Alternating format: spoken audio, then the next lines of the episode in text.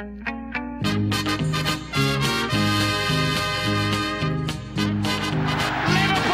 are champions of Europe again. Liverpool are prize winners again. Liverpool is in the record books.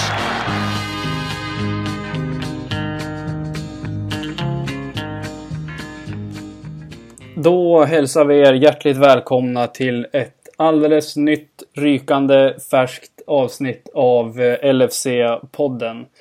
En podcast som vi som vanligt gör i samarbete med LFC.nu där ni alltid hittar de senaste nyheterna, medlemskap till supporterklubben med mycket fina medlemserbjudanden och mycket annat matnyttigt kring Liverpool. Vi gör också den här podden i samarbete med Redspet som erbjuder de bästa oddsen på Liverpool och ger tillbaka 50% av sitt nettoöverskott till Liverpool-supportrar.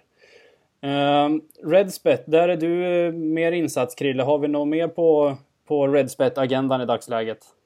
Ja, men lite faktiskt. Eh, det är ju så att eh, Sam Dodds Cup 2018 går av stapeln i Kalmar nu på lördag den 25 augusti. Och där har faktiskt Redsbet ett lag med som deltar i kuppen som jag kommer spela i och min bror och lite annat folk jag känner. Och sen även lite annat folk som jag aldrig har träffat. Så det ska bli kul. Men eh, bara att delta kommer vara roligt att träffa andra Liverpool-supportrar och, och liksom både spela fotboll och titta på Liverpool därefter. Men det roliga som Redsbet också erbjuder i det här läget är att vi har faktiskt odds på vinnare av Sam Dodds Cup 2018. Så att eh, Tycker man att det är lite roligt oavsett om man är med och spelar eller inte i själva kuppen så kan man gå in på Redspet och klicka sig vidare där till Sandodds Cup så får man odds på eh, cupvinnare. Och eh, ja, det är ju baserat lite på tidigare års erfarenheter och kanske hur många spelare som finns i vissa lag och så vidare. Men det är en lite rolig grej om man är intresserad. Så att eh, Redspet.com och Sam Cup så kan man spela på vem som vinner där. Och givetvis ska Redspet och jag försöka göra allt för att vi ska ta hem det i år.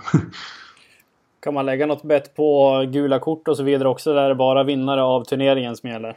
Nej, bara vinnare. Gula kort. Det kan vara farligt sådana turneringar med röda och gula kort. Det kan bli många känns det som. När det kommer till vilka kanske som... Många kanske är vältränade men jag kan ju känna personligen att det kan bli en, en och annan sen tackling kanske. Det brukar vara så på... ja. När det vankas lite avdankade fotbollsspelare som ska ha, ha kul tillsammans. Då kan det ibland smälla lite grann. Mm, Skaderisken är man väl lite orolig för med, men det är väl bara att ta liksom. Du är nya Chamberlain kanske? Så är det. det är väl lite, lite, inte skadeskjutet LFC-podden ska jag säga, men vi är drabbade av lite ledighet och kickoffer utomlands och semestrar och annat gott. Men hur, är, hur är läget i, i Norrköping? Har värmen lagt sig? Värmen har lagt sig och det går egentligen att orka göra saker igen och det är lite mer behagligt att jobba också för den delen. Um, nej, men det är bra tycker jag. Um, jag har kommit igång med jobbet igen och så vidare. Så, när de andra är iväg så får vi ju rodda detta. Och med tanke på att folk är borta så Robin är ju i Grekland och glassar semester och jag tror Fredrik som sagt var på någon kick-off i Oslo. Men det jag vill komma till egentligen är att först och främst vill jag faktiskt gratulera Eh, tipporaklet här i podden, Daniel Forsell och hans sambo då, Alexandra, de har faktiskt blivit föräldrar till en liten dotter för ett antal nätter sedan är det väl nu. Men vi har ju inte fått tillfälle, så grattis till dem och eh, det gör väl också automatiskt att Daniel kanske inte kommer vara lika tillgänglig den kommande tiden. Men eh, sjukt kul i alla fall att vi har fått lite tillökning i Liverpool-familjen. Ytterligare en som kan få bettingbolagen att gå back med andra ord. ja, precis. På tal om eh, att gratulera så ska vi givetvis passa på att gratulera våran vinnare i tipptävlingen. Eh, matchen nu mot Cardiff som gick av stapeln igår kväll. Eh, och där hade vi faktiskt Peter Sörling som var så... Crystal Palace, förlåt. Vad sa jag för någonting då? Car Cardiff. Du, du, du har snöat in dig på podden jag Away. Är helt, jag är helt sugen. inne på podden Away redan. Eh, givetvis var det Crystal Palace vi mötte igår och där hade vi Peter Sörling som var så pricksäker som man tippade 2-0 till Liverpool och Mané sista målskytt i den 86 minuten. Så att eh, han drog det längsta strået igår. Eh, vi ska vara tydliga med att dra några regler kring, kring de här tävlingarna för att det blir ofta lite, lite skilda, skilda meningar i, i resultaten. Så att reglerna är enligt följande att man ska alltid följa LFC-podden på Twitter, man ska retweeta det aktuella inlägget och så ska man svara på inlägget. Man ska alltså inte citera inlägget. Där ska man skriva sitt tips, i rätt ordning. I det här fallet igår så vann Liverpool med 2-0. Då ska det stå 0-2 när vi spelar borta och så vidare. Alltså inte 2-0 till Liverpool. Eh, så att det är, eh, det är noga med det där att man håller koll på hemma och bortalag. För ofta när man tittar igenom tippningen så kan man lätt exkludera där det står en tvåa först när det i själva verket vart 0-2. Eh, så att där har vi lite regler. Ytterligare en gång ett stort grattis till Peter så att du kan återkomma till oss med adress och så vidare och storlekar. Om du inte har gjort det så kommer det en tröja hem till dig på posten. Hur är eh, känslan Krille? Nu fick vi vänta länge en gång till. Premiärhelgen fick vi vänta ända till söndagen och nu fick vi vänta till måndagen och se de andra lagen. Några av dem, United lyckas ju inte göra det, men vinna och ändå sätta lite press på oss som ska vara med och slåss i, i toppen. Hur känns det att vänta hela helgen ända till måndag kväll och, och se Liverpool? Det är ju faktiskt lite jobbigare kanske än normalt just för att man är så exalterad över det här Liverpool-laget. Så att man vill ju egentligen bara titta på matchen och se vad vi kan åstadkomma. Och det grundar ju sig lite på både förra säsongen och den, eh, den turneringen i Champions League, hur den gick. Liksom. Så att man, man vet ju vad vi kan åstadkomma. Därför längtar man ju extra mycket till matcherna. Och då är det lite jobbigt att sitta och vänta ytterligare en dag eller två på att se oss spela när de andra har spelat. Och så blir det också den här extra pressen om de andra så kallade topplagen tar sina poäng. Då vet vi att ja, här gäller det att göra det jobbet och då blir det en press. Inte bara nervositeten som sätter sig kanske hos oss åskådare utan en press på lag och spelare också för de vet vad som gäller då. Det är lite, lite samma känsla här faktiskt. Det är skilda, lite skilda tankar för min del. Ofta tycker jag att det är skönt att ha den en tidig lördag och ha överstökat och sen liksom följa de andra resultaten och ta dem som de kommer helt enkelt. Men sen, det är någonting speciellt med kvällsmatcher och under strålkastarljuset och mycket. Det är ofta lite bättre stämning på kvällsmatcher också, vilket jag tycker om. Så att eh, Ja, det, det är lite både och det där, men man får aldrig vara riktigt nöjd som sagt. Eh, Klopp han stämplar ut samma elva som han gjorde i premiären mot West Ham. Eh, lite förvånande kanske att inte en eh, Fabinho var med, inte ens på bänken i det här fallet. Men eh, vad är din känsla egentligen? Var det ett taktiskt drag att spela samma elva och bara köra på från premiärmatchen eller hade du velat sett några förändringar? Nej, jag tycker egentligen att eh, han, han gör rätt. Klopp som ställer ut samma elva. För att så som vi spelar mot West Ham och med det resultatet. Det är ett självförtroende som liksom boostas upp av att vinna en premiär med, dem, med, med det resultatet. Eh, och man kan säga vad man vill av, om West Ham och deras insats där. De är liksom ett nykomponerat lag och med en relativt ny tränare och allt det här. Så att kanske växer de sig starkare också. Men just att få vinna premiären och göra det med ett sådant besked så tycker jag att varför inte köra vidare. Om, om alla är friska och krya och känner sig fräscha så tycker jag att man lika gärna kan ställa, ställa ut samma lag och få ännu mer.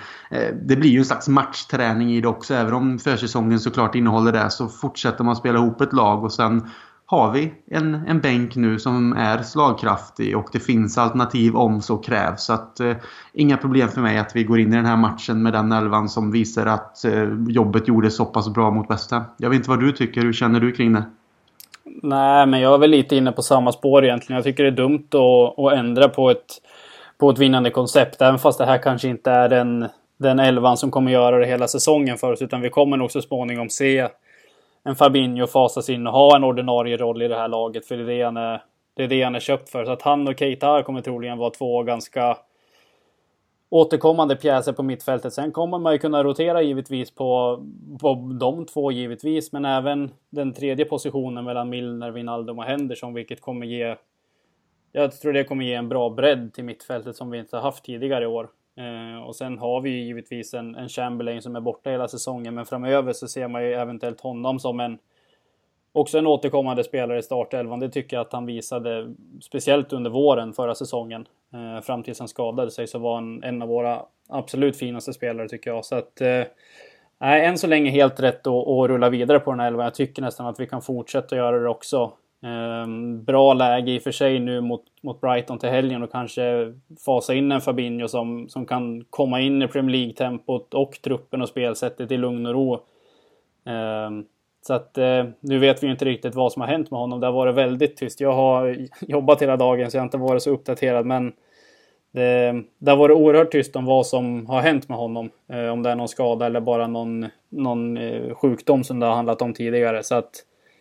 Ehm, Nej, den, jag, jag är nöjd med den elvan. Eh, det är en lite, lite speciell känsla kring, kring den här upplagan av Liverpool tycker jag. Det var en ganska intressant tweet egentligen som man såg eh, Paul Tomkins på Twitter, han som skriver på Tomkins Times. Jag vet inte om du har tagit del av den? Eh, jo, jag såg den faktiskt tidigare nu, men du får jättegärna upplysa både mig och lyssnarna igen om de inte har läst det, vad, vad, vad, det, vad det stod och hur känslan är kring det då. Så att jag, säga. jag tycker att den speglar åtminstone min känsla. Jag tror att man har sett många har retweetat den ganska flitigt under dagen. Det är att man är ganska, eller väldigt exalterad över den här upplagan av Liverpool och det laget vi har på gång nu. Men man är fortfarande har någon form av skräckblandad förtjusning till att det är 38 matcher vi måste vinna vecka efter vecka i nio månader. Eh, och sen att man kan hamna, kan hamna så långt efter på några förlorade poäng. Så att det är ju med tanke på hur bra City är också. De kommer ju sätta press på oss under hela säsongen. Så att det är en skräckblandad förtjusning. Att man är fruktansvärt exalterad över laget men man är ändå lite rädd inför det som komma skall. Att vi är, kommer kanske troligtvis vara så nära den här säsongen men vi kanske inte kommer kunna göra det ändå. Jag vet inte om det speglar, speglar ditt synsätt på, på den här upplagan av Liverpool.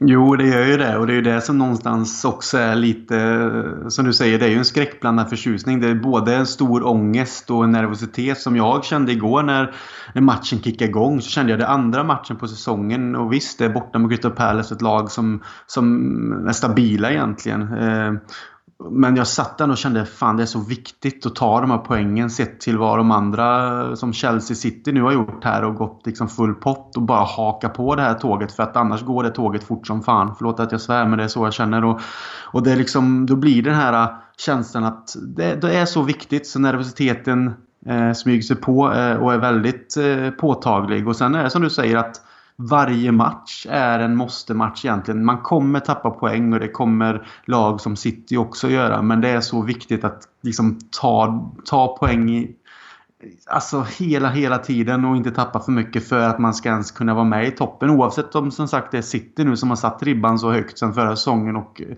vidare in på början av den här säsongen. Så, så ser vi också ett Chelsea som på något sätt de har börjat stabilt. De kanske behöver byggas vidare. Såklart med ny tränare och allt vad det innebär. Men får han in en helt ny eh, känsla så kan de få luft under vingarna med. Så det gäller liksom inte att räkna bort de här eh, storklubbarna som fortfarande har kvaliteten. Och då gäller det också för Liverpool att bara haka på. Så jag tycker egentligen att Tomkins tweet eh, är väldigt exakt på hur både som sagt du och jag känner. Men jag tror det är många där ute som känner precis likadant. Att i nio månader nu så ska man behöva våndas över det här. Men det är ju det som både det jobbiga och det underbara med att vara Liverpool-supporter i dessa dagar.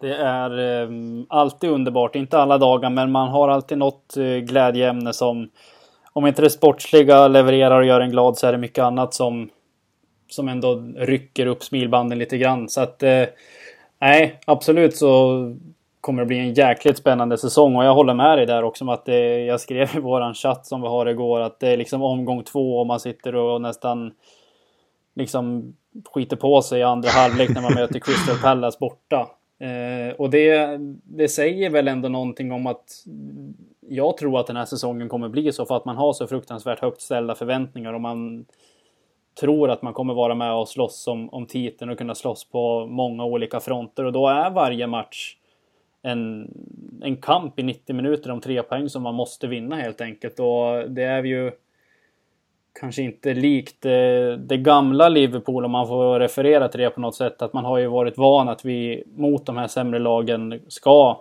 ska tappa poäng under säsongen och det kommer vi givetvis göra den här säsongen också. Men det känns ändå skönt på något sätt att kunna ta en sån här seger mot ett lag som var i botten förra året. Nu tror jag att de kommer vara betydligt bättre. De ser faktiskt intressant ut, Crystal Palace, måste jag säga. Med med det laget de har med Zaha som jag tycker troligtvis är den kanske bästa spelaren utanför topp 6 när han har en bra dag. Så att det finns, det finns mycket, mycket kvalitet i det laget också.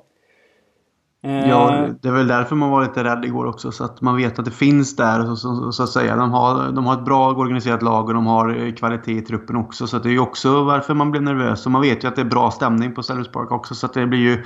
Man vet att det, det, är svårt att komma dit och faktiskt vinna. Det är ju det som är grejen och det är därför man sitter och är nervös. Ja, men precis. Och det är ju... Det är ju en, vad ska man säga, en...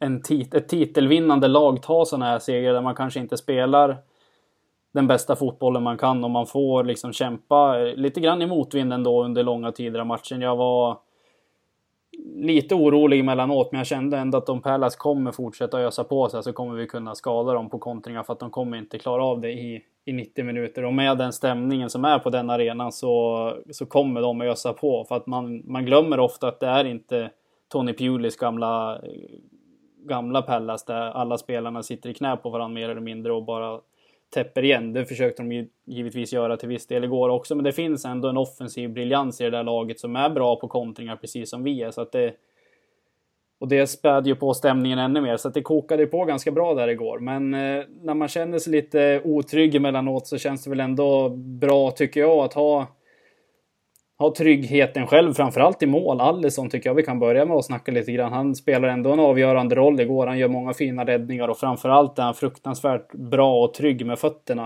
Eh, hur viktig blir han den här säsongen och hur stor uppgradering är det? Vi, är är bekanta med att det är en fruktansvärt bra målvakt, men vad är din känsla nu när man har sett honom två, två Premier League-matcher i action så att säga?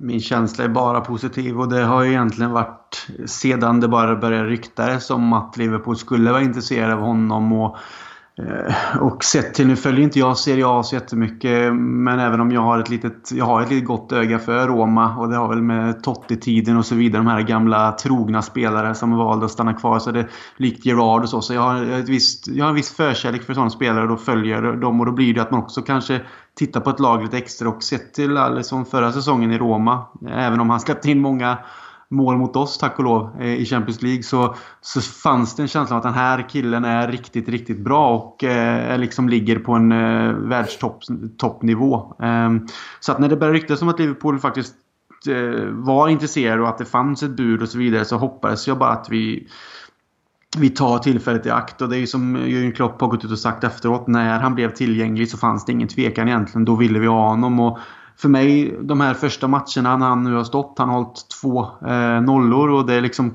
självklart ett eh, riktigt bra försvarsförtjänst också. Men han är ju sista utposten. Det är han som skapar också en trygghet till försvararna som ligger framför honom och han, han känns fysiskt stark, han känns spänstig, stabil, han har en aura kring sig och Eh, även då som van Dijk gick ut och sa att han har eh, satt någon slags trygghet att vara sista utposten där hos även backarna. Och tyvärr då så är det ju på bekostnad av att Karius har haft de här tabbarna i sig och inte minst då i Champions League-finalen. Men att det kanske då kommer in någon med, som lyfter egentligen hela laget längst bak och visar att här finns jag. Liksom, ni behöver inte oroa er. Utan liksom, lagdelarna får koncentrera sig på sina olika jobb. Offensiven i offensiven, mittfältet gör vad de ska, försvara och sånt. Men här finns jag och, och, och, räddar dagen så att säga. Och att jag tycker att han visade upp ett storspel igår också. Även om han inte hade jättemycket att göra. Men de sakerna han var tvungen till att göra, de räddningarna som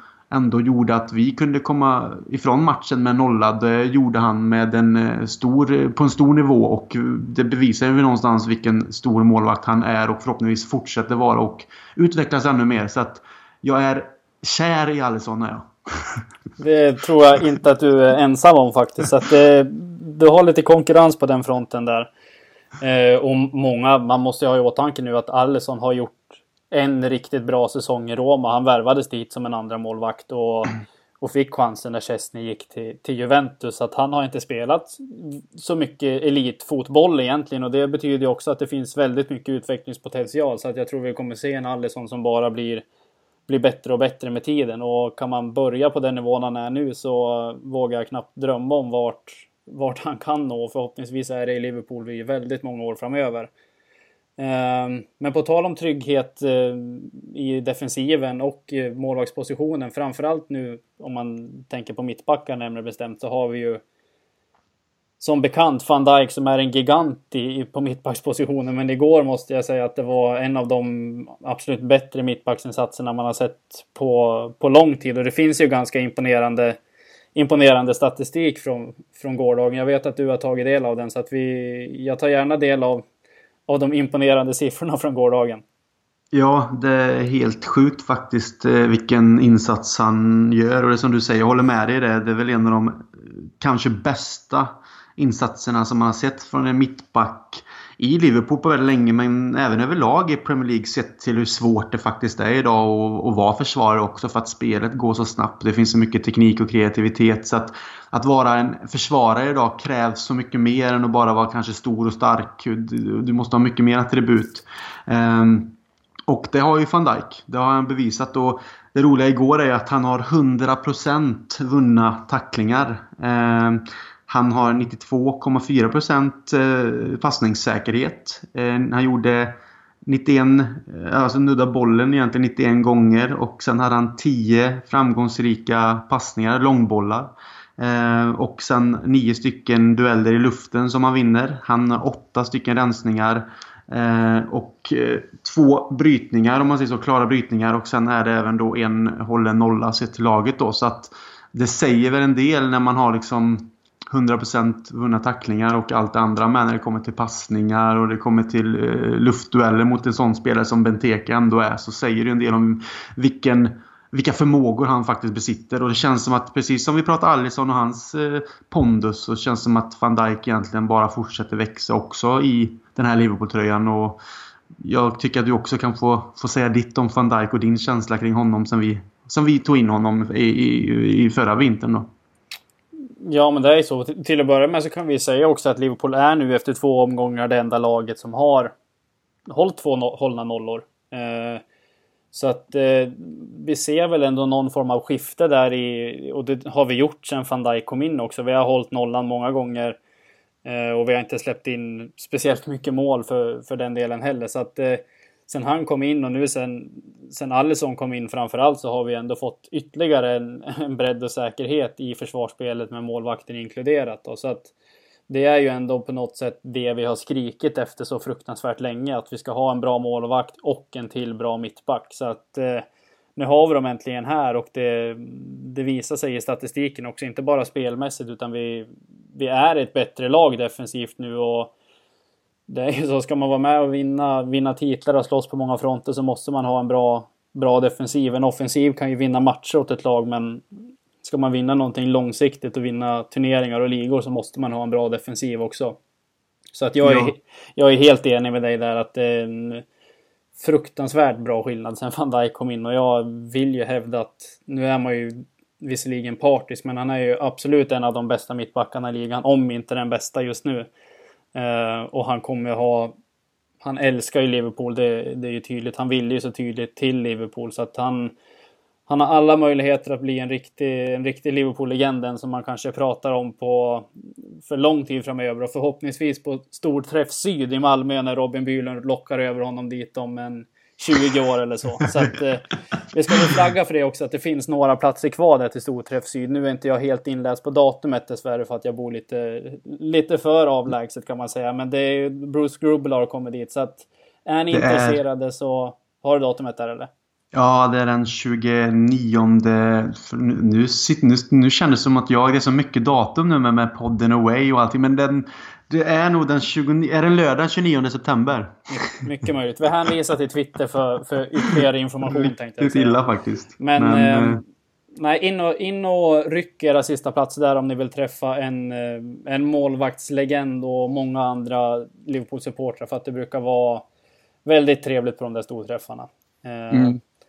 Så att, nej men det, det, det, är klart att det är en fantastisk skillnad nu när vi har fått in en så bra målvakt. och van Dijk såklart. Och det, han har ju förmågan att lyfta sina mittbackskollegor också. Man såg en stor skillnad i, i Lovrens spel sen van Dijk kom in tycker jag under, under våren. Och nu kan man även se att han har omfamnat Joe Gomez också ändå liksom spelat in honom i den positionen där han, där han på något sätt ska vara. Så att det, vad är din känsla där om Gomez? Är han ett eventuellt framtida alternativ till van Dijk på mittbackspositionen? Det tror jag absolut. Jag menar ända sedan vi faktiskt köpte Gomes så har ju i alla fall jag pratat om honom som en väldigt, väldigt stor talang och en väldigt kanske likt en ung Rio Ferdinand även om det kanske fanns en mer följsamhet och snabbhet hos Ferdinand så kan jag tycka att potentialen som Gomes visar upp väldigt tidigt när han kom från Charlton. Eh, man såg direkt att den här killen han har någonting extra liksom. Han är duktig, han kändes mogen i sitt spel. Och sen har han spelat ytterback och han har eh, fått eh, vara på bänken på grund av en eh, eh, Alexander Arnold som också har utvecklats med fart och så vidare. Men just att... Och sen skador också på det såklart. Men just att han nu får gå in på den positionen som egentligen är hans ordinarie position om man säger så, mittback och spela jämte en spelare som van Dijk som andas självförtroende som är den mentorn med en erfarenhet. Eftersom att han är 27 år så har han ändå lyckats eh, spela på en hög nivå under en lång period. Eh, han har ändå, liksom, även om han har många, många, många år kvar i sig, så har han den erfarenheten som man kan lära ut till en sån yngre då, spelare som Gomes. Så jag tycker att Gomes igår också visar varför vi faktiskt satsar på honom som 17-åring. Han, han har väldigt, väldigt stor potential och fortsätter han att spela så här jämte van Dijk så ser jag samtidigt att, att Lovren kanske inte är så självklar helt plötsligt trots ett väldigt bra VM och trots att han är också en duktig eh, försvarare. Men håller man en sån här form under en längre period som Gomes verkar ha slagit in på just den vägen så, så anser jag inte att man ska på något sätt byta ut det. För jag tycker att ett stabilt försvar är väldigt, väldigt viktigt. Att man har spelare där bak som man känner är eh, stabila och man kan lita på och som man känner att det har varit tryggt under en längre period och då kan det lika gärna fortsätta kännas så för, för hela laget. Eh, och får han bara som sagt fortsätta på den här vägen och inte får fler skador och att han har den här mentorn i van Dijk så tror jag absolut att inom ett par år så har vi en en riktigt, riktigt stor mittback där och också kanske en då av Premier Leagues faktiskt främsta mittbackar i Joe Gomez. Kan vi, kan vi slå fast nu att det är den här säsongen som Joe Gomez officiellt blir en av Liverpools mittbackar med tanke på att Klavan är, är såld. Så att nu har vi ju egentligen fyra mittbackar i Lovren, van Dijk, Gomez och Matip egentligen. Så kan vi slå fast att det här kommer vara den positionen han, han spelar på den här säsongen tror du?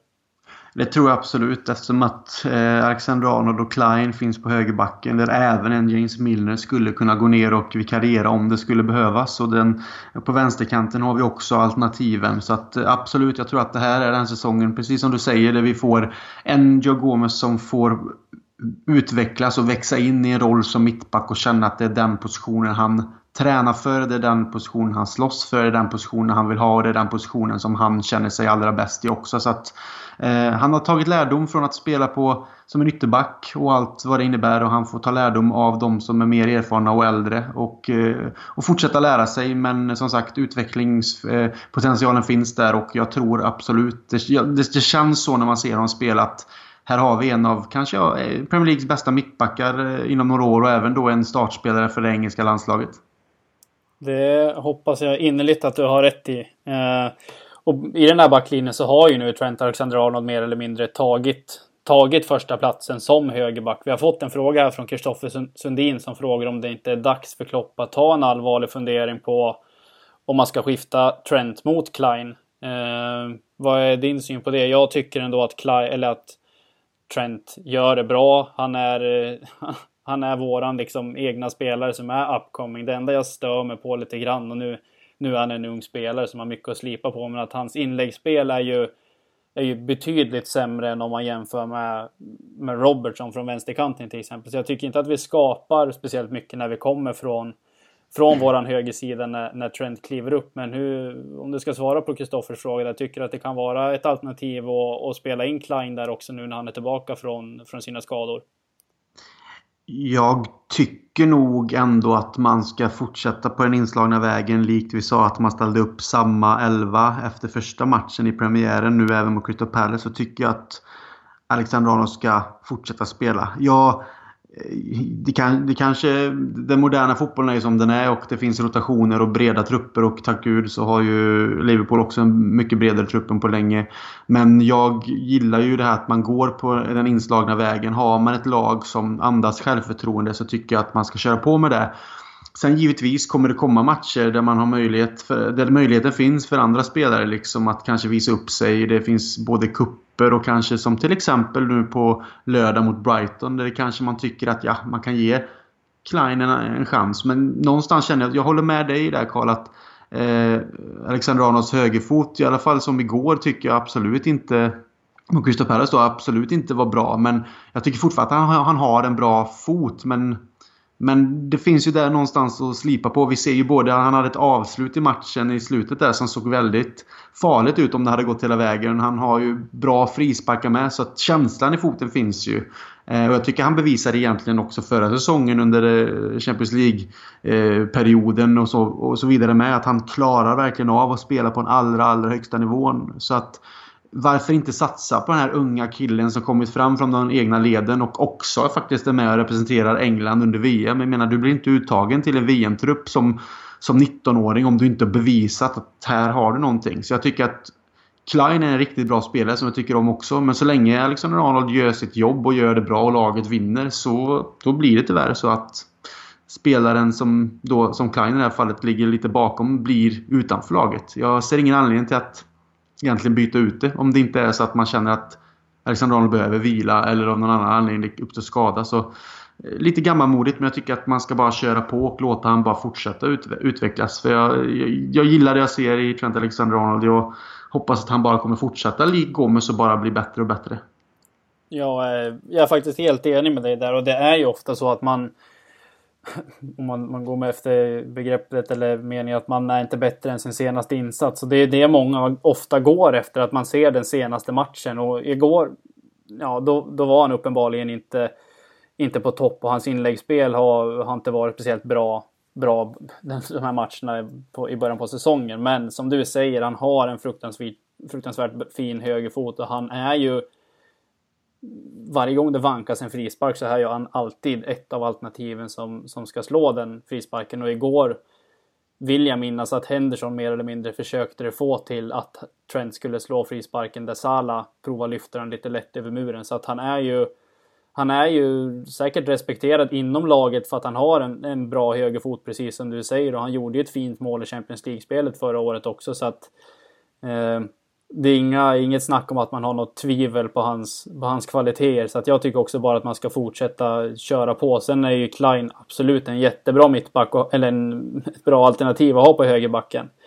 Eh, och det är ju lite det som vi har suttit efterfrågat så länge och som vi ofta återkommer till i LFC-podden också. Just det här att vi nu helt plötsligt har vi ett lyxproblem. Vi har två riktigt duktiga högerbackar som kan konkurrera och då finns det ingen anledning att, att klaga. Liksom, utan så länge Alexander Arnold gör sitt jobb så kommer Klein att sitta på bänken och det är upp till honom att försöka höja sig då och bevisa att han ska spela. Och är det så att det kommer en formdipp eller en småskavanker på Alexander Arnold, ja men då har vi en ersättare som också tillhör eh, toppskiktet av högerbackar i Premier League. Så att situationen är ju bara guld för oss. Så att det gäller liksom att tänka att en ung kille med utvecklingspotential och en Klein som är jätteduktig på bänken just nu. Men skulle det bytas ut, som sagt, så är det ju inte så att man sitter och gråter för det. Utan bara okej, okay, här har vi Klein istället. Och då, det är ju bara att vara nöjd och luta sig tillbaka och njuta av att det är som det är. Absolut, och sen är det ju målsättningen är att vi ska ha en lång säsong i, på många olika fronter. Både i ligan och de inhemska kupperna och förhoppningsvis Champions League. Så att det är ju det här man har längtat efter under en längre tid och det har varit ett, ett ganska konstigt dilemma i Liverpool-kretsar tycker jag. Att nu när man har, har en sån bra spelare på den positionen, då kan vi lika gärna sälja den. Nej, det, det, är inte så det funkar, utan man måste ha en bra bredd på alla positioner i laget och nu är första gången egentligen som vi har det på länge. Eh, 13-14 säsongen när vi var på vinnarligan tycker jag inte att vi hade en speciellt bra bredd egentligen. Vi hade spelare som Victor Moses, Ali Sissoko och John Flanagan liksom. Så att det är ju inte...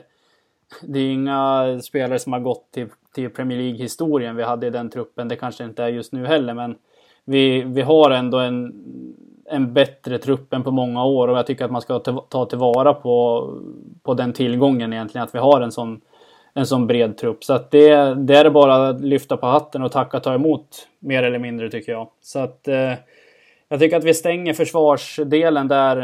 Eh, man ska ägna mycket tid åt försvaret och det har vi gjort här nu i nästan en halvtimme. Så att vi, vi rör oss sakta men säkert framåt i, i banan och vänder oss egentligen till Mohamed Salah som var våran stora kung förra året och en av tre spelare som är är nominerade till Guldbollen tillsammans med Ronaldo och Modric var det va? Så att eh, han petar väl...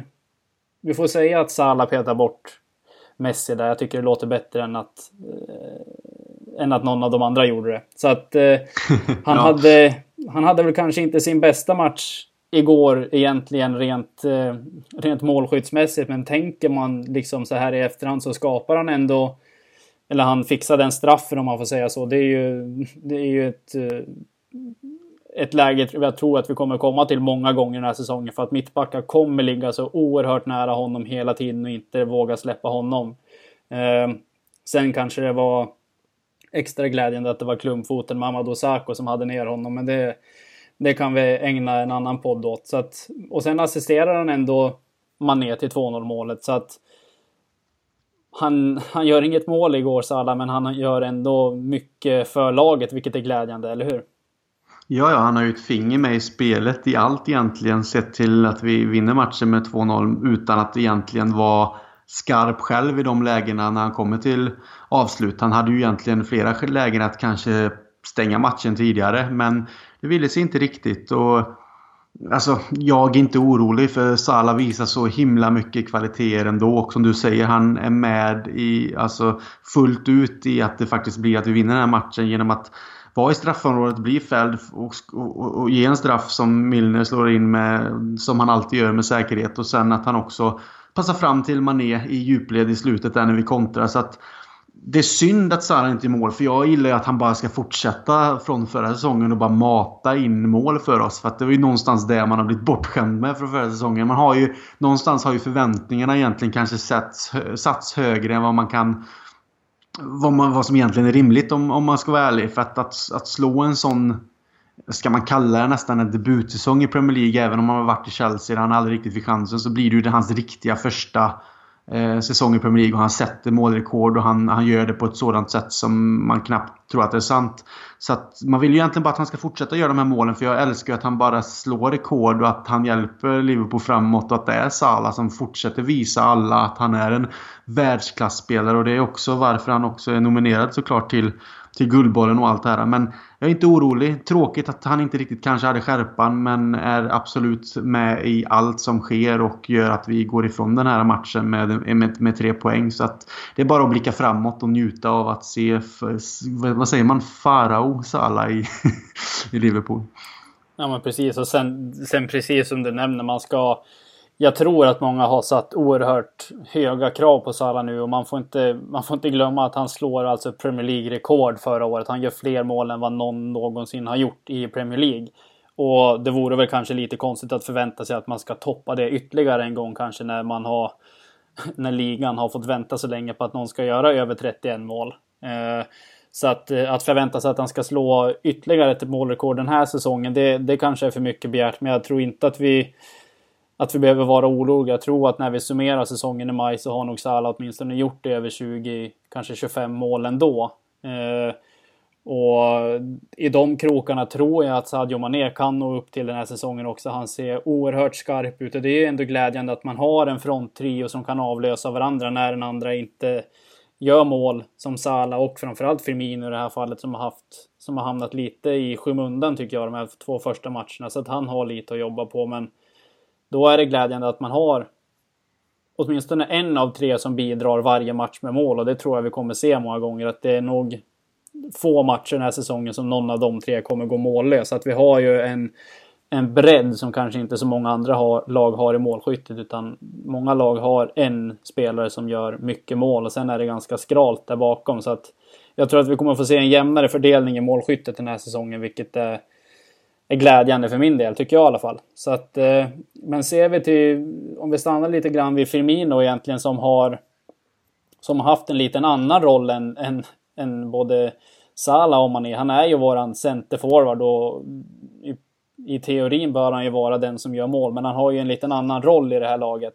Eh, så att eh, han, han en, en, defensiv roll. Jag brukar säga att han är den bästa defensiva forwarden i, i världsfotbollen och det, det står jag fast vid. Så att han, han har en, en annan inställning till forwardsrollen än vad många andra spelare har och det är någonting man kanske bör, bör uppskatta med tanke på att vi har ytterligare spelare som bidrar i, i målprotokollet ofta. Jag vet inte hur din känsla är kring honom. Jo, men jag tycker att du sätter rätt så bra stämpel där på honom för att Kanske om man jämför med andra toppforwards inom Premier League och världsfotbollen. Men man ser en Aguero till exempel som gör, gör hattrick.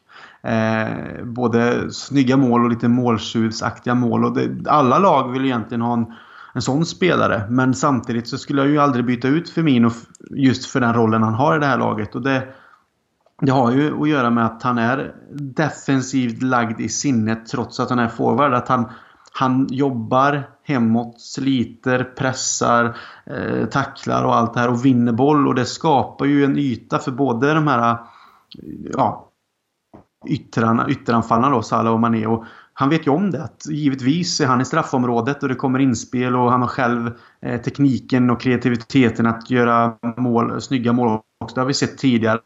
Han har både kommit djupled och chippat över målvakter. Han har klackat. Han har, liksom, han har det i sig. Just nu är han inte i, i riktig sån form. Men han, vi vet ju att det finns där och förhoppningsvis tar han fram det så fort som möjligt. Men han vet också att gör han sitt jobb så som han ja, men är tillsagd att göra och på det sättet han tycker om att spela så vet han att om jag kommer skapa antagligen målchanser för Mané och, och Salah och gör de mål och Liverpool vinner så är jag glad. Så hans inställning är ju inte självisk. Även om han säkert vill såklart göra mål så, så vet det, det finns en helt annan ödmjukhet där kring att det är laget för jaget liksom. Att, att eh, ja, skapa för andra och hjälpa laget hela tiden genom arbetsinsatsen. Så att det, det finns liksom egentligen ingen spelare som jag skulle vilja byta ut i den rollen som Firmino har. För att han skapar så mycket åt de andra att det är liksom...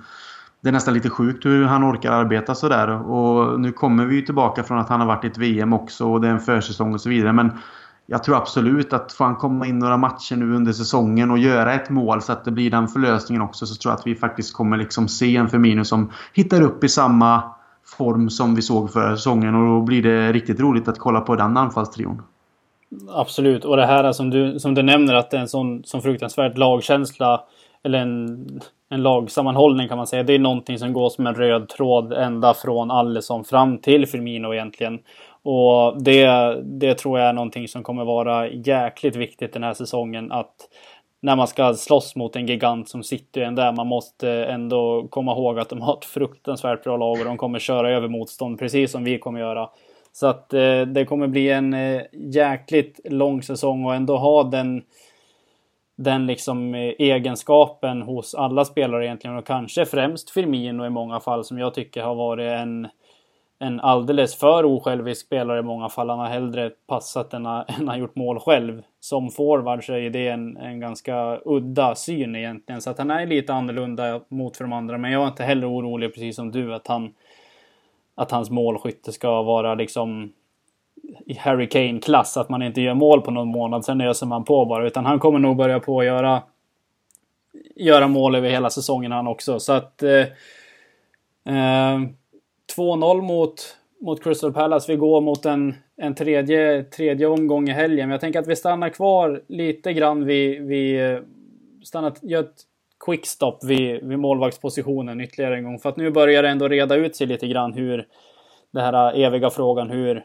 målvaktskonstellationen ska se ut den här säsongen. Nu är det mesta tyder på att Karius går iväg två säsonger till Turkiet och att vår eh, sociala medieansvarig Simon Mignolet sitter på bänken och vaktar andra spaden. Vad är, vad är din känsla kring det? Nej, det är väl egentligen alltså Karius som han går på lån två år eh, och sen en permanent övergång efter det eller hur det blir. Det liksom, eller, om han, eller, han, eller om han får chansen att utvecklas till att konkurrera i framtiden. Det, det, är svårt att säga om men samtidigt så det enda jag kan tycka är lite, lite jobbigt på något sätt det är ju att Alisson är en självskriven etta sett till pengarna, sett till eh, den potentialen och den klassen han håller. Eh, att Mignolet då som tvåa och som man ändå har förstått kanske inte önskar sig kvar i Liverpool just på grund av att han ser väl kanske de sista åren på sin karriär. Han är ändå 31 nu va? Ehm, och då kanske vill ändå vara första valet i, en, i en så stor klubb som möjligt i Europa. Och det fanns ju lite rykten om att Napoli var sugna på honom och att han själv önskade sig dit om, om det uppstod en möjlighet och så vidare. Så Det enda tråkiga är väl kanske att vi har en andra målvakt som även om man är professionell fotbollsspelare någonstans kanske har kommit till insikt att han kommer liksom inte stå om det inte är en rotation av, i en kupp eller om det uppstår en skada. Han kommer vara en självskriven tvåa helt enkelt. Och jag är inte säker på att drivet finns där trots eh, att man är proffs. Att utmana på något sätt. Att försöka vara på den nivån som krävs för att kanske kunna då i hans värld ta en plats för Alisson. Jag, jag, tror inte att det finns där och då tycker jag att det är lite synd att det är Karius vi släpper för han någonstans kanske hade han tyckt att det fanns en... Han vill ju såklart också stå men efter allt som har hänt så kanske han någonstans skulle acceptera en sån situation på grund av sin ålder och sen om han då inser efter en säsong att Alisson kommer bli så svår att konkurrera ur så kanske det finns andra alternativ därefter. Men just nu tycker jag att vi har ingen konkurrens då på målvaktspositionen. Och så länge Alisson står är jag ju glad. Men uppstår det någonting där, en, en, en, en olycklig skada eller någonting så kan jag se att vi kanske har en målvakt i Mignolet som inte är så himla vad ska man kalla det? Liksom, ja, eh, exalterad över att faktiskt vara i Liverpool för tillfället. Det är väl enda jag kan tycka känns lite sådär då. Just det argumentet köper jag också faktiskt att han kanske på något sätt har att han, han kan sakna den delen av motivation. Men samtidigt så tycker jag att Liverpool ändå gör helt rätt i det här fallet nu när, att skicka iväg Karius. För att han är så pass vad ska man säga, han, har fått, han fick en sån jäkla smäll i Champions League-finalen förra året och han mm. kommer, det kommer sitta i hans bakhuvud varje gång han går in på planen i en Liverpool-tröja och publiken och framförallt motståndarfansen kommer ju vara som en jävla geting runt hans skalle alltså som kommer påminna om honom om det där varje gång han kliver in på planen. Så att jag tror att det är bra för honom att komma iväg till en helt annan miljö, en helt annan liga och på något sätt börja om för att han kommer han kommer kunna ha en bra målvaktskarriär. Jag tror inte att den här Liverpool, jag vågar nästan säga att han aldrig mer kommer stå en officiell match för Liverpool tror jag. Så att jag tror att det här är slutet på historien kring Loris Karius och att vi har Mignolet som en fullgod ersättare tycker jag ändå har en... Det är en bra andra målvakt att kunna, kunna kliva in och spela med i, i cupsammanhang och lite ligacupmatcher och sådär så att han ändå får sin, sin speltid.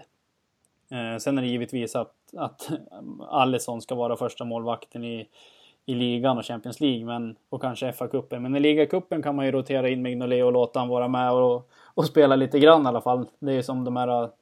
Det finns ju alltid någon spelare i något lag som man måste låta få lite speltid för att de ska få ha lite kul på, på jobbet så att säga. Så att eh, nej, jag tror att det här är, är slutet för Karius och att det kan vara Mignolets sista säsong i Liverpool också. Att han kanske sitter den här säsongen ut på en andra målvaktsposition och sen att man kan eventuellt släppa in någon yngre eller att man värvar in en andra målvakt som kan acceptera den positionen också men ändå vara med och jaga på Alisson lite grann. För att det är aldrig bra att ha en som är alldeles för självskriven etta. Eh, nej, även, nej, om det skulle, även om det skulle vara svårt att värva någon som ändå ska sätta någon form av press på honom. Men jag tror ändå bara att tanken kan vara god att ha en, en ersättare som ändå har lite mer hunger än vad Mignolet har. Ja, och det, där håller jag med dig absolut. Att det, det är ju ingen dålig andremålvakt vi har och så vidare. Det, det enda är ju som sagt det här motivationen. Jag tror att han har kommit till insikt i det läget han är i sin karriär och den åldern han har just nu. att han kommer liksom inte vara eh, han kommer liksom inte vara nära egentligen att vara första målet för Liverpool överhuvudtaget. Han liksom kommer inte kunna konkurrera med Alisson. Eh, och då tror jag att det någonstans lätt smyger in det i huvudet oavsett i, vilken, i vilket yrke och vad du än gör. Liksom att får du den känslan att det spelar ingen roll riktigt här utan han kommer vara etta. Det spelar ingen roll om jag spelar riktigt, riktigt bra på träningar och bevisar mig eh, i andra matcher, som, som sagt i, i, i kupper och så vidare, så, så kommer Alisson liksom fortfarande vara det självskrivna valet. Och det, det är väl det som är det, det svåra i en sån situation. Så att jag håller med om att han är en bra tvåa, men att han då kanske sitter ut det här året och att vi någonstans får in en annan konkurrenskraft. Eh, eh, som en målvakt som kanske vet också, som är okej okay med att vara tvåa, men som ändå vill göra sitt Eh, för då, då, är inte det ett problem utan då gör man sitt bästa ändå. Liksom. Och sen att det finns de här unga eh, grabbarna eh, bakifrån. Så att det, det köper jag totalt. Det är väl mest bara att den här känslan att jag kunde nästan, det kändes nästan som man kunde se det på Mignolet igår när kameran filmade in på honom. Liksom, det, det, ser nästan lite uppgivet ut. Det kan vara för stunden också men det är den känslan man har fått med när det ryktats om, om andra klubbar att han vill stå i mål och i Liverpool kommer han inte få stå i mål så länge det inte uppstår en, en, en, en långtidsskada på Alisson helt enkelt han ger ju sällan intrycket av att se ut att vara en glad människa. Han har ju ganska intetsägande kroppsspråk mindre det. Så att, men jag köper absolut det du säger. Uh, men eh, hur som haver så känner jag mig åtminstone nöjd, nöjd med målvaktskonstellationen vi ser ut att gå mot nu. Och låt oss gärna veta vad, vad ni andra tycker i, på, på Twitter. Du kan gärna starta en diskussion där om, om målvaktspositionen. För det har varit en, en långdragen historia hur vi egentligen ska ställa upp som målvakt den här säsongen. Eh, snart helg igen Krille, snart onsdag, lillördag och på lördag smäller det eh, mot Brighton hemma. Ja. Eh, de eh, sopade mattan med United i helgen tänkte jag säga, vilket man... Eh, vilket gjorde väntan på Liverpool-matchen på måndagen lite enklare. Så att hur är, hur är känslan inför, inför nästkommande omgång? Tror du att vi öser på som vanligt eller kan det bli några justeringar? Jag det kan ju bli några justeringar såklart. Men jag hoppas att vi öser på som vanligt. För att vi är precis i den positionen som man önskade innan Premier League drog igång nu. Att klarar av premiären. Och det, jag ska inte säga att det har varit ett spöke för oss. Men just att en premiär alltid är en premiär. Och vi gör det på det sättet som sagt som jag sa tidigare mot West Ham. Vi åker nu till Crystal Palace borta. Kniper de tre poängen som man verkligen kände det här är så viktigt att bara plocka de här i början. För återigen som City, Chelsea och så vidare lyckats med tidigare. Så ska man hänga på så ska man hänga på ordentligt från start. Och nu kommer vi tillbaka till Anfield mot ett lag med all respekt då. De slår ju Man United på hemmaplan. Men samtidigt då så är det Anfield, är Liverpool med det laget vi har i en god form. Det är hålla noll... Eh, hålla... Äh, kan inte prata. Det är clean sheets, säger vi.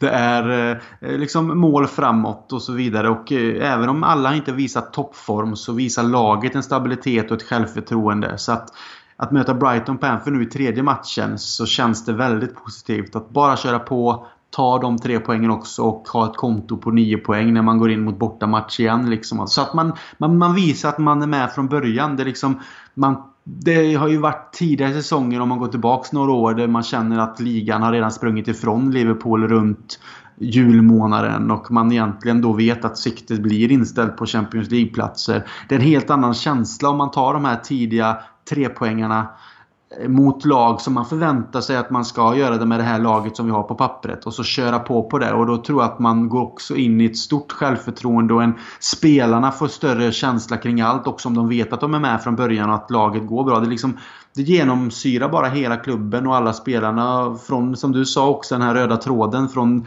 tryggheten där bak till den kreativa trion där framme och ett stabilt mittfält också. Som vi inte, som vi inte får glömma bort heller såklart. De gör sitt arbete eh, utomordentligt igår också. Så att det är bara att köra på och så känner jag att vi kommer ta tre poäng på lördag mot Brighton och därifrån eh, kunna kämpa vidare helt enkelt mot de musklerna som, som till exempel City har.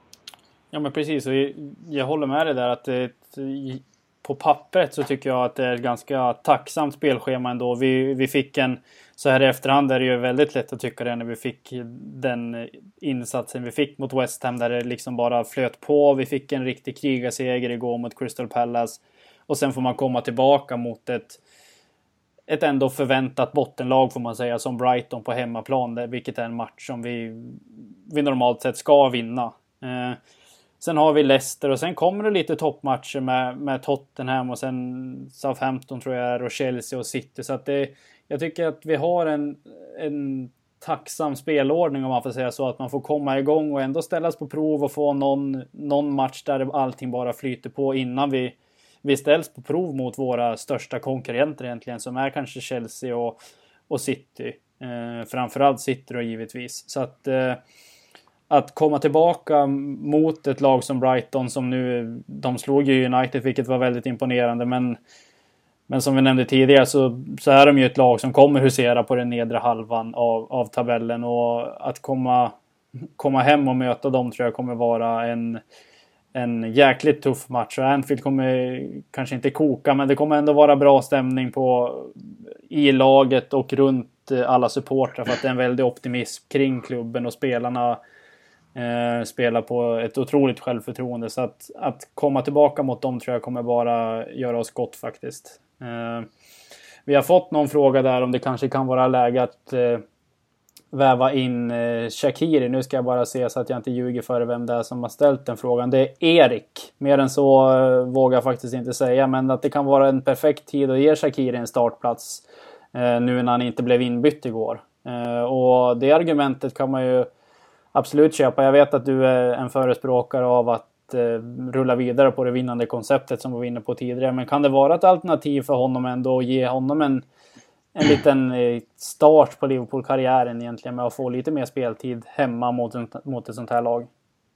Absolut. Jag gillar ju Shakiri och jag älskar det köpet också. Och det har jag sagt tidigare i andra avsnitt att jag tycker att det är ett guldköp och att han besitter många kvaliteter som vi förhoppningsvis verkligen får se nu blomma ut ordentligt i Liverpool där han är i en miljö som är så pass mycket högre än vad den till exempel var i Stoke där han någonstans fick börja om eh, sin karriär och så vidare. Men jag tycker ju fortsatt som du säger att man ska någonstans behålla samma startelva om möjligt om det inte uppstår någonting annat och att man går in i matchen med det. Och som sagt, all respekt till Brighton men kan man gå in i den matchen och förhoppningsvis på hemmaplan ha ett helt annat spel och en annan fart och vi vet att det finns som sagt ett självförtroende i hela klubben. Jag tror att alla, alla, alla supportrar, alla i klubben känner att det här är en riktigt, riktigt stor chans att få med de här nio poängen vidare för att Brighton som du säger huserar, kommer husera på eh, den undre halva, halvan om det, om det inte är lite av ett mirakel så att säga. Man ska inte räkna bort någon direkt men om man går på känslan och det man ser på pappret så tycker jag att kan man bara gå in och kanske göra ett, två mål och att det är det tidigt så tycker jag absolut att en sån som Shakiri ska kunna komma in utan kanske pressen att det handlar om att jaga mål och poäng utan att bara få kunna eh, spela ut sitt spel och, och, och, bevi, och, visa upp sig och bevisa sig ännu mer. Så att starta med det som vi har haft och gå vidare med det. Såklart är det svårt och ryckigt och inte riktigt att vi kommer in i matchen som vi vill. Det är klart, då har vi de här alternativen som Shakiri på bänken till att kunna förändra en matchbild. Men jag hoppas ju någonstans att man kör på med, med, med, de, med den här elvan som vi har varit så stabila med nu och gjort mål framåt. Att vi mot ett Brighton gör relativt snabba mål och då kan vi sen plocka ut lite för att både vila lite och testa lite andra spelare och låta dem få lufta så att de känner att de är med så att de får självförtroende. Och en spelare som Shakiri vet vi, han kan han har fina passningar, han har ett bra skott, han är bra på fast situationer, han är aggressiv. Så att jag menar, byter man ut honom mot någon av de andra så är det egentligen inte så mycket av någon försämring eh, överhuvudtaget. Och för honom handlar det lite om att make it or break it också nu i Liverpool när han har kommit hit. Att ska han få den karriären som man kanske någonstans hade hoppats på när han var ung och gick till Bayern München och allt det här. Så, så är det kanske då i Liverpool han behöver bevisa sig. Så att en sån som Shakiri kan få speltid. Kanske Klein kan få komma in och få speltid. Och kanske en Fabinho beroende på om vi ser om han är med på bänken nu. Så att absolut, men från första början vill, vi att vi, jag, går in, att, vill jag att vi går in med detsamma. Eh, gör det direkta jobbet genom att göra mål och liksom någonstans visa Brighton att det är ingen mening med att ni kommer hit egentligen. Och sen kan de andra få spela sitt spel utan någon slags press. Då, då blir jag absolut supernöjd om det kan se ut så. Um, så som du säger nu tycker jag nästan låter som att du kan ta på dig kloppkepsen på lördag och rodda det här mot, mot Brighton. För att det, det, jag är helt enig med dig att det är kanske inte läge för en startplats för en Shakiro. Det tror jag inte att det kommer vara så ofta i, i, i ligan. Han kommer givetvis få, det kommer tider i ligan där det är ett oerhört intensivt spelschema. Man kommer behöva rotera på spelare, det kommer komma skador. Så att det kommer komma tillfällen för honom där han är en startspelare. Eh, men eh, jag tror själva målet med den här värvningen var att, eller grundtanken åtminstone, är att ha en ytterligare bredd, en offensiv bredd som ändå också kan spela på mittfältet. Han är en jävligt mångsidig spelare, Shakira. Han utgår ju ofta från en kant, men vi har ju sett på försäsongen de matcherna han har spelat nästan som en nummer 10 också. Så att han kan ju ha både en kantroll och en centralroll, vilket är vilket symboliserar också den här upplagan av Liverpool kanske att vi har så oerhört många mångsidiga spelare. Eh, så att eh, jag är väl e- enig med dig där egentligen att om allt går enligt mina planer så ska vi väl ha gjort ungefär en tre mål efter 60 minuter och då kan man ju slänga in Shakiri och, och låta honom bli lite varm i kläderna så att eh, det, det låter inte mer än rätt. Dagordningen följer att eh, normalt sett i LFC-podden att vi avslutar med ett eh, litet tips inför nästkommande omgång. Lördag 18.30 är det som gäller va? Eh, Ja, precis. Det är sen match. Det blir ju för mig som är nere i Kalmar så är det spela fotboll först på dagen och sen är det öl och titta på fotboll tillsammans med ett hundratal andra supportrar. Så att, eh, det är en sen match så att, eh, det ser jag fram emot faktiskt. Det, det lät inte alls dumt. Men ni övriga dödliga tänkte jag säga, ni hinner ju precis svälja sista tuggan tacos och så kan ni slänga in ett spel på följande resultat. Vad tror Christian Andersson om Liverpool-Brighton på lördag? Jag tror att vi tar ytterligare en 4-0. Det lät som en bra plan. Jag tänkte säga 4-0 också, men jag garderar mig väl lite grann. Vi har vunnit 2-0 och 4-0, så jag säger 3-0 då. 3-0 Mm. Liverpool och vi fortsätter med. våran, vi fortsätter våran eh, streak med hållna nollor ett tag framöver, kanske tills vi stöter på City rent av. Ehm, Så med de orden tackar vi väl våra lyssnare för den här gången för den dryga timmen vi har eh, har snackat Crystal Palace och eh, Brighton här nu så eh, är vi tillbaka nästa vecka. Up the Reds!